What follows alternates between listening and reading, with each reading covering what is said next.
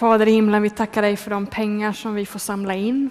De som kommer, det som kommer in via kollektboxarna och kollektomaten och det som kommer in via bankgiro. Herre, låt allt detta få bli till välsignelse, till att ditt rike blir utbrett och människor blir hjälpta. I Jesu Kristi namn. Amen.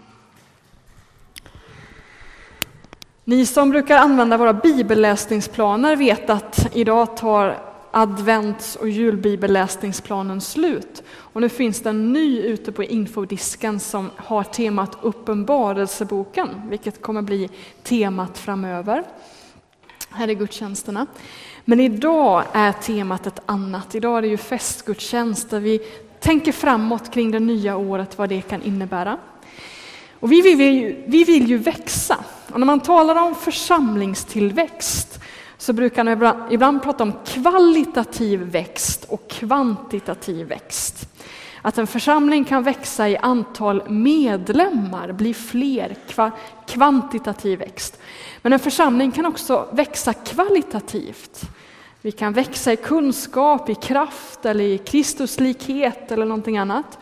Kvalitativ växt. Det kanske inte känns helt okej att använda de begreppen orden, men det är ändå ett sätt att försöka formulera sig. Och vi i Ryttargårdskyrkan har ju en vision sedan en tid tillbaka som lyder så här. Vi vill vara en öppen och generös gemenskap där allt fler möter, följer och formas av Jesus. Och i den visionen finns ju båda de här begreppen med. Vi vill växa kvantitativt, vi vill bli fler och vi vill växa kvalitativt. Vi vill bli mer formade, vi vill bli mer Kristuslika. Så båda de här två typerna av växt finns med i den här visionen. Och temat för den här predikan, eller frågan för den här predikan, kommer vara Kan det vara så att kvantitativ växt och kvalitativ växt hör ihop? Att inget kan tänkas utan det andra. Det är frågan för den här predikan. Under resans gång kanske ni kommer tycka att jag tappat bort mig helt från den frågan, men det har jag inte. Så ni vet det. Det här är temat för predikan och jag kommer knyta ihop säcken till slut. Eh, som flera av er kanske vet så har man lite olika syn på nattvarden i olika traditioner. I vissa traditioner, så är man, i vissa kyrkor, så är man väldigt noggrann med att allt bröd och allt vin ska ätas upp i gudstjänsten och man är noggrann och man dukar av ordentligt i varje gudstjänst så ingenting ska liksom vara kvar. Man har den respekten för brödet och vinet. Så har inte riktigt vi. Vi, brödet sätter vi fram varje gång för det, tro det eller ej, det står på de här eh, förpackningarna till vårt bröd att det inte finns ett bäst före-datum. De bröden är tydligen eviga. Jag vet inte hur det är, de hänger ihop, men det är inget bäst före-datum på dem. Så, så de kan man ta fram söndag efter söndag. Men vinet, det häller vi ut och vi dukar heller inte av ordentligt utan vi låter det stå med bröd och vin Eh, kvar på bordet när gudstjänsten är slut. Och en gång var det en missionär som sa till mig att när han ser det, när han ser att det är bröd och vin kvar efter nattvardsfirandet så tänker han, vi kunde ha varit flera här. Vi kunde ha varit flera. Det hade räckt till flera. Så det där brödet och vinet som blir kvar efter att vi har delat det med varandra blir ett tecken på att det finns utrymme för fler.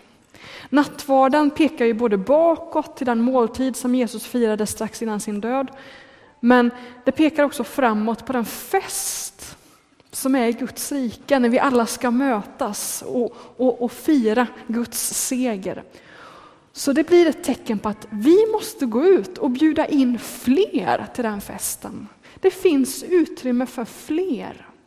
Låt oss tänka på det när vi firar nattvard idag. Det finns bröd över. Låt oss gå ut och bjuda in fler till festen. Och då tänker jag på en bibeltext. Det står i Lukas 14 att Jesus var på fest. Och så är det någon som plötsligt utbrister där. Salig den som får vara med om måltiden i Guds rike. Alltså så, det är någon som blir utbrister och tänk den som får vara med på festen i Guds rike i himlen. Och så berättar Jesus en berättelse, och nu glömde jag min bibel på mitt kontor, men nu är det så fint att jag har skrivit ner bibeltexten här i mitt manus. Så jag läser från Lukas 14, vers 16. Jesus svarade, en man skulle ha en fest och bjöd många gäster. När festen skulle börja skickade han sin tjänare att säga till de inbjudna, välkomna, allt är färdigt. Men alla hade de någon ursäkt att inte komma med. En lät hälsa, alltså jag köpte en åker och är tvungen att gå och se på den. Förlåt att jag inte kan komma. En annan sa, jag har köpt fem par oxar och måste ut och se vad de går för. Förlåt att jag inte kan komma. En tredje sa, jag har just gift mig så jag kan inte komma. När tjänaren kom tillbaka och berättade detta greps hans herre av vrede och sa Gå genast ut på gator och gränder i staden och hämta hit alla fattiga och krymplingar och blinda och lytta. Och tjänaren sa Herre, jag har gjort som du befallde, men ännu finns det plats. Då sa mannen till sin tjänare Gå ut på vägarna och stigarna och se till att folket kommer hit så att mitt hus blir fullt. Jag säger er att ingen av alla dem som först blir bjudna ska få vara med på min fest.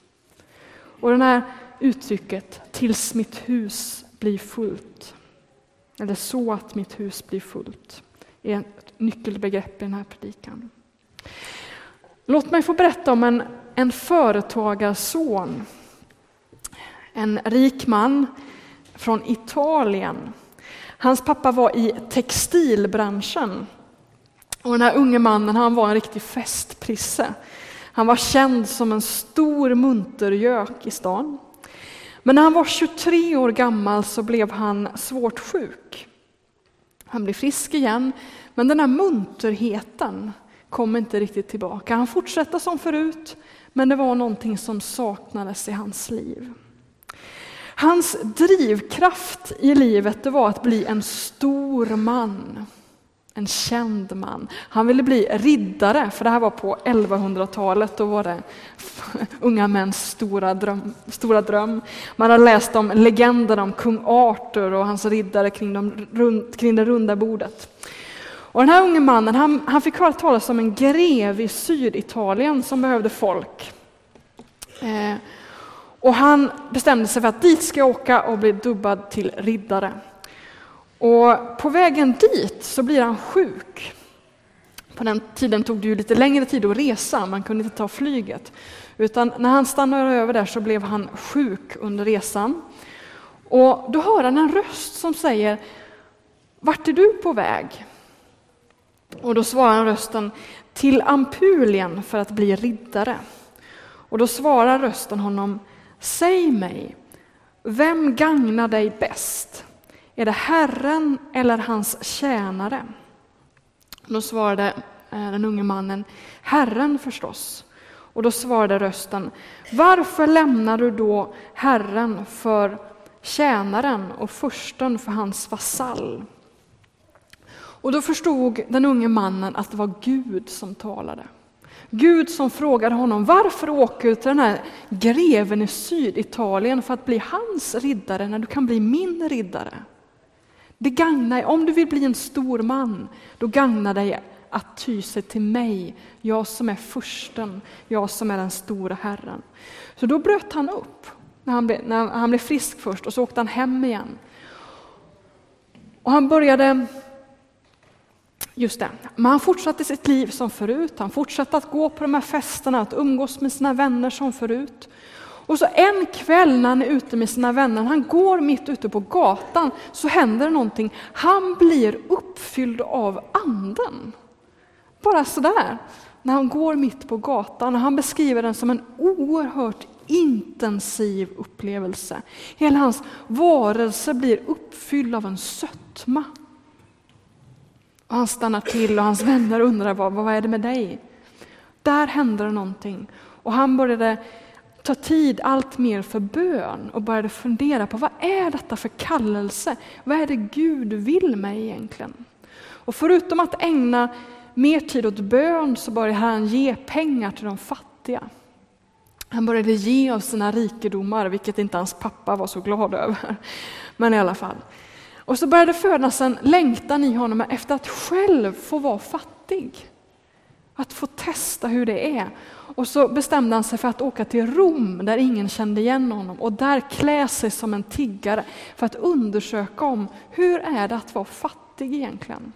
Vi vet inte riktigt hur det gick för honom där i Rom, men vi vet att han var där och att han sedan återvände hem. Ehm. Och nu kommer vi till det som jag vill berätta om den här mannen som jag tycker är så viktigt. Det andra var bara kuriosa, men innan jag berättar det viktiga så ska vi tänka på något annat först. Vad är det största budet i lagen? Jo, det är att älska Gud av hela sitt hjärta och sin nästa som sig själv. Gör man det så har man uppfyllt all rättfärdighet. Det är det viktigaste. Och när vi korsfäste Jesus, när människan korsfäste Jesus, så blev det uppenbart att vi inte följer det budet. Att vi är självdestruktiva. Att vi har svårt att älska oss själva, för vi dödade den som älskade oss, vi dödade den som kunde hjälpa oss. Det finns ett självdestruktivt drag hos oss. Och vi älskar inte vår nästa. För Jesus är vår nästa eftersom han blev en människa. Han var en människa. I korset visas det att vi, vi är stånd till så mycket ont mot vår nästa. Och i korset visas att vi inte älskar Gud eftersom Jesus också var Gud. Vi dödade honom och vi gjorde honom så mycket ont.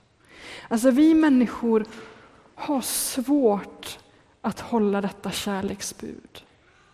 Och du visste Franciscus av Assisi, som mannen heter. Några kanske har listat ut det, så här brukar han avbildas. Guds lille fattige kallas han för. Franciscus av Assisi. Han visste att han hade svårt att älska vissa människor speciellt, och det var de spetälska. Och närheten av där han bodde så fanns det en koloni med spetälska. De levde isolerat där och blev omhändertagna. Och ibland när han var ute på promenad eller ute och red så fick han se dem och då fylldes han, fylldes han av ett sånt förakt. Han ville inte ha med de här människorna att göra. Och så går han då och funderar på vad är det för kallelse som Gud har lagt över mitt liv? Vad vill Gud mig? Och så är han ute och rider en dag och så får han se en spetälsk komma på vägen. Och hans första reaktion är, nej men jag byter väg. Jag vill inte ens möta den här mannen. Men då kommer han på ett tilltal som han hade fått under en av sina bönestunder som det är så här. Franciscus, alla ting som du av naturen har älskat och begärt bör du förakta och hata om du vill lära känna min vilja. Och när du väl har börjat med det så kommer allt du förut funnit gott och ljuvligt att bli bittert och outhärdligt för dig. Men allt som du förr avskydde kommer att förvandlas till en stor sötma och övermåttan stor fröjd. Och det där kommer han att tänka på när han sitter där på hästen och märker att jag måste konfrontera det här föraktet jag har för den här mannen. Jag måste konfrontera det. Så han stiger ner från den här hästen och så kommer han den här spetälske mannen till mötes och så böjer han sig ner och kysser mannens sår. Och då händer det. Då blir Franciscus på nytt uppfylld av anden. Och han drabbas av en sån kärlek till spetälska. Där och då händer det. I mötet, när han vågar konfrontera sitt förakt, händer det att han blir uppfylld av anden.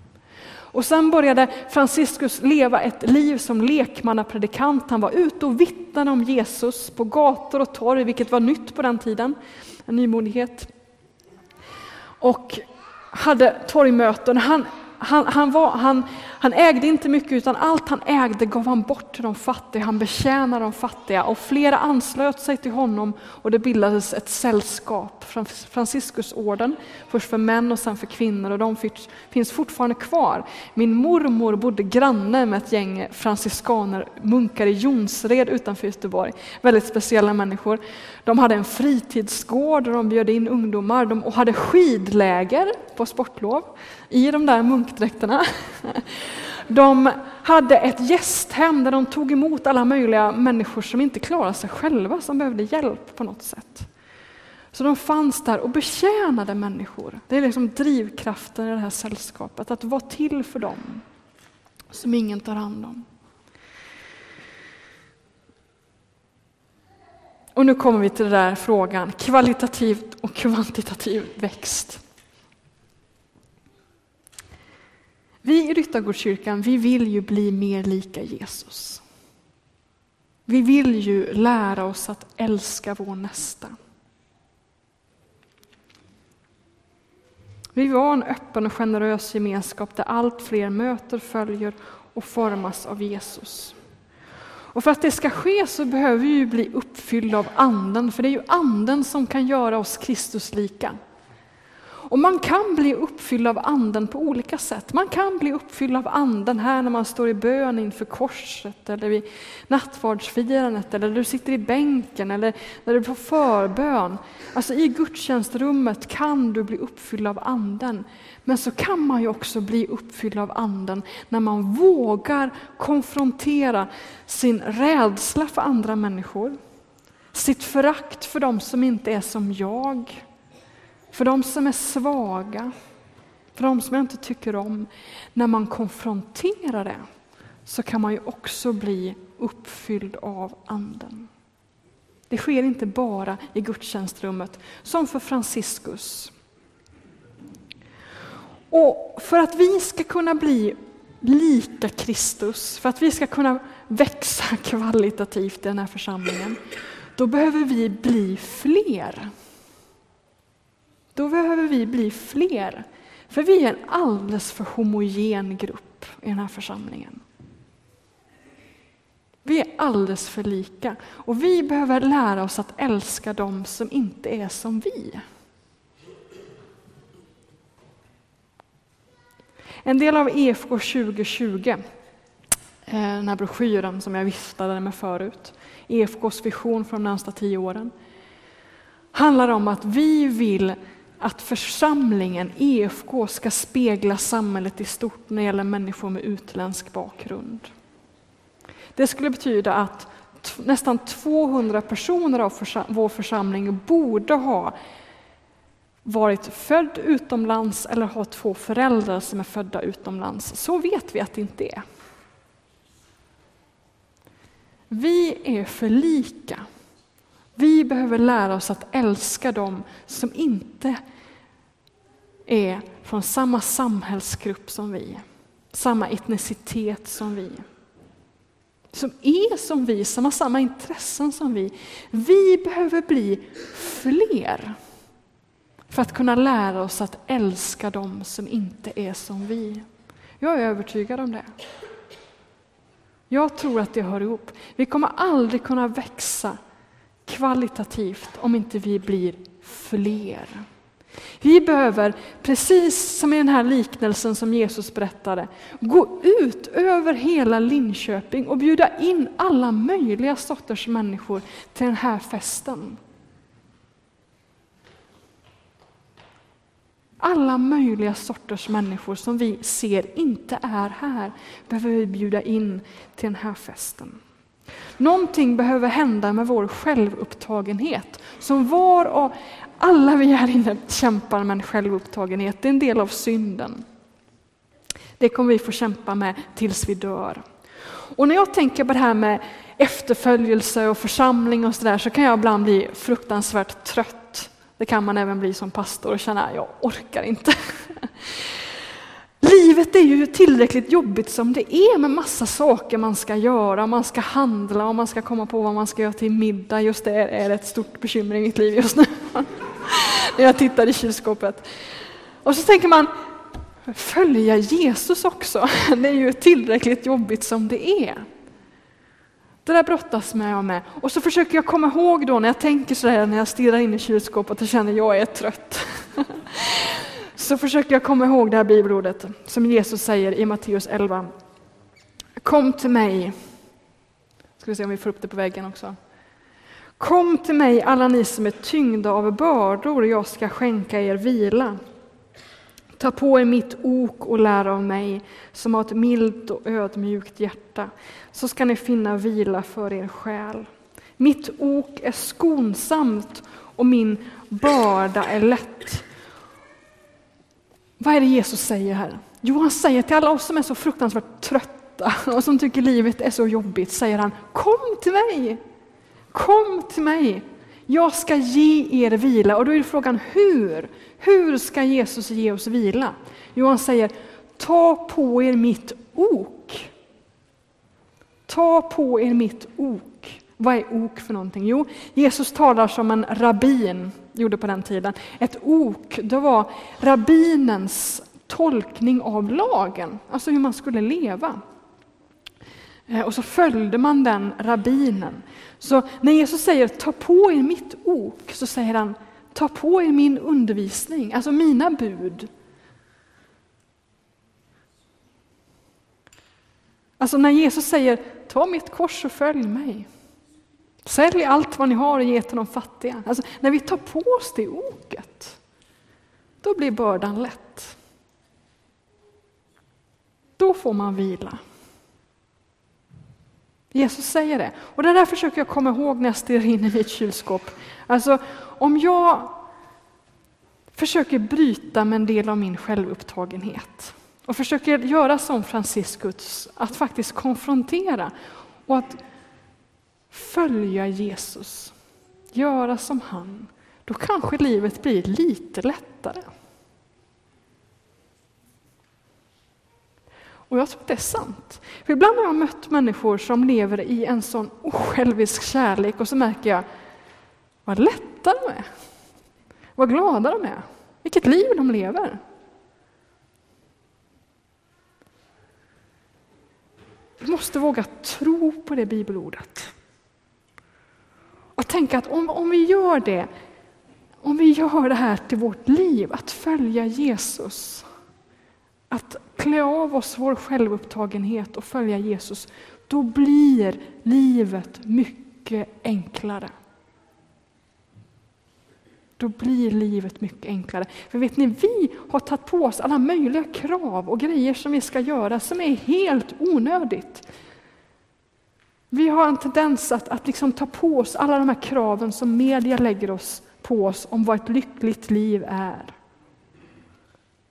Det får vi göra oss av oss, av oss och så får vi ta på oss Jesu ok. Det blir lättare.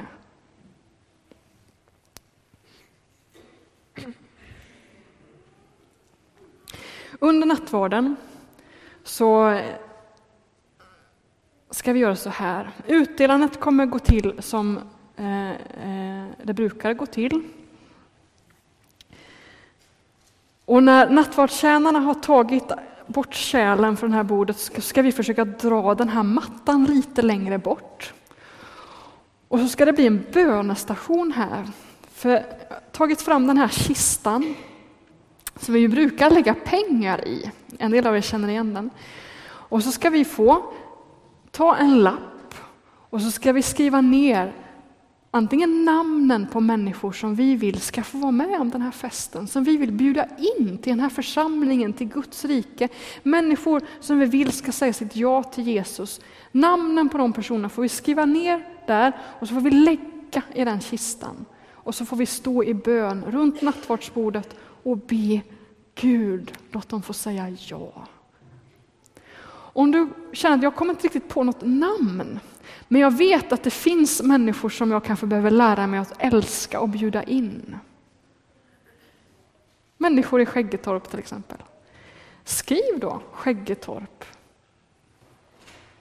Eller någon annan grupp som du inte umgås med. Skriv namnet på den och lägg den i lådan och säg hjälp mig att kunna inbjuda en sån här människa till Guds rike, till festen.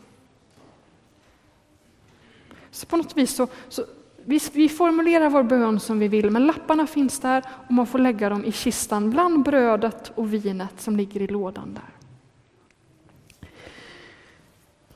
Kanske du tänker, som jag har tänkt många gånger, att äh, men, vad då bjuda in? Jag vet inte hur jag ska bjuda in, jag vet inte vad jag ska säga, jag vet inte vad jag ska vittna om, jag kan inte, vad ska jag säga?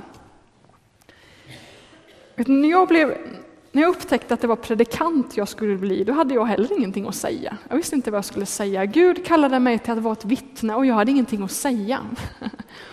Och den kallelsen, alltså den här uppgiften att gå ut och vittna, som jag kände att Gud la på mitt hjärta, tvang mig till att söka Jesus så att jag fick någonting att berätta.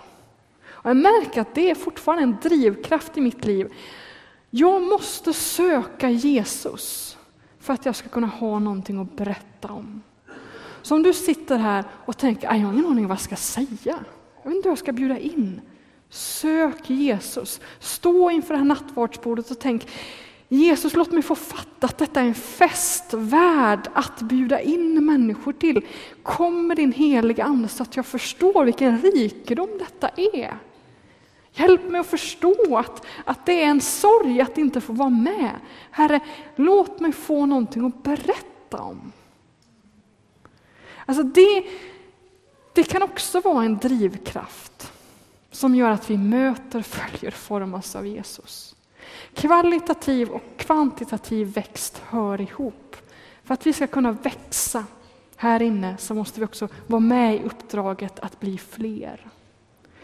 Så låt den här gudstjänsten får bli en, en fin bönestund där vi får vara inför nattvardagsbordet här, meditera över detta med Guds rike, festen där vi kommer få återse de som vi har mist, de som vi har fått begrava. Glädjen över att äntligen få se Jesus, blicka in i hans ögon. Och så får vi säga hjälp med att kunna bjuda in fler. Och så får vi hoppas att nästa år, om ett år när vi har festgudstjänst, att vi är fler då. Att vi är fler och att vi är fler folk som inte är som vi. Det får vi be om. Det får vi be om.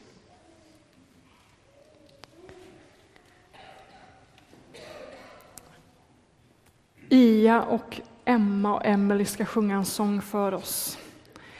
Men innan dess så ber vi en bön. O Gud, o Fader i himlen, du som har bjudit in hela mänskligheten till festen i ditt rike. Nu ber jag att din heliga Ande skulle komma över oss i detta nattvardsfirande som vi nu går in i. Och jag ber att du skulle uppenbara för oss rikedomen i att få vara med på din fest. Att få ta emot dig, att få ta emot frälsningen. Och så ber jag dig att du skulle drabba oss med en kärlek till människor i den här staden, alla möjliga sorters människor. Herre, låt oss få vara med om en sån omvändelse som Franciscus fick vara med om. Som var fast i sin självupptagenhet om att bli en stor man, att liva livets goda dagar. Herre, drabba oss med en sån kallelse. Förvandla oss. Gör oss mer lika dig. Hjälp oss att kunna älska människor så som du älskar människor. Vi ber helige Ande, kom över oss i detta nu. Amen.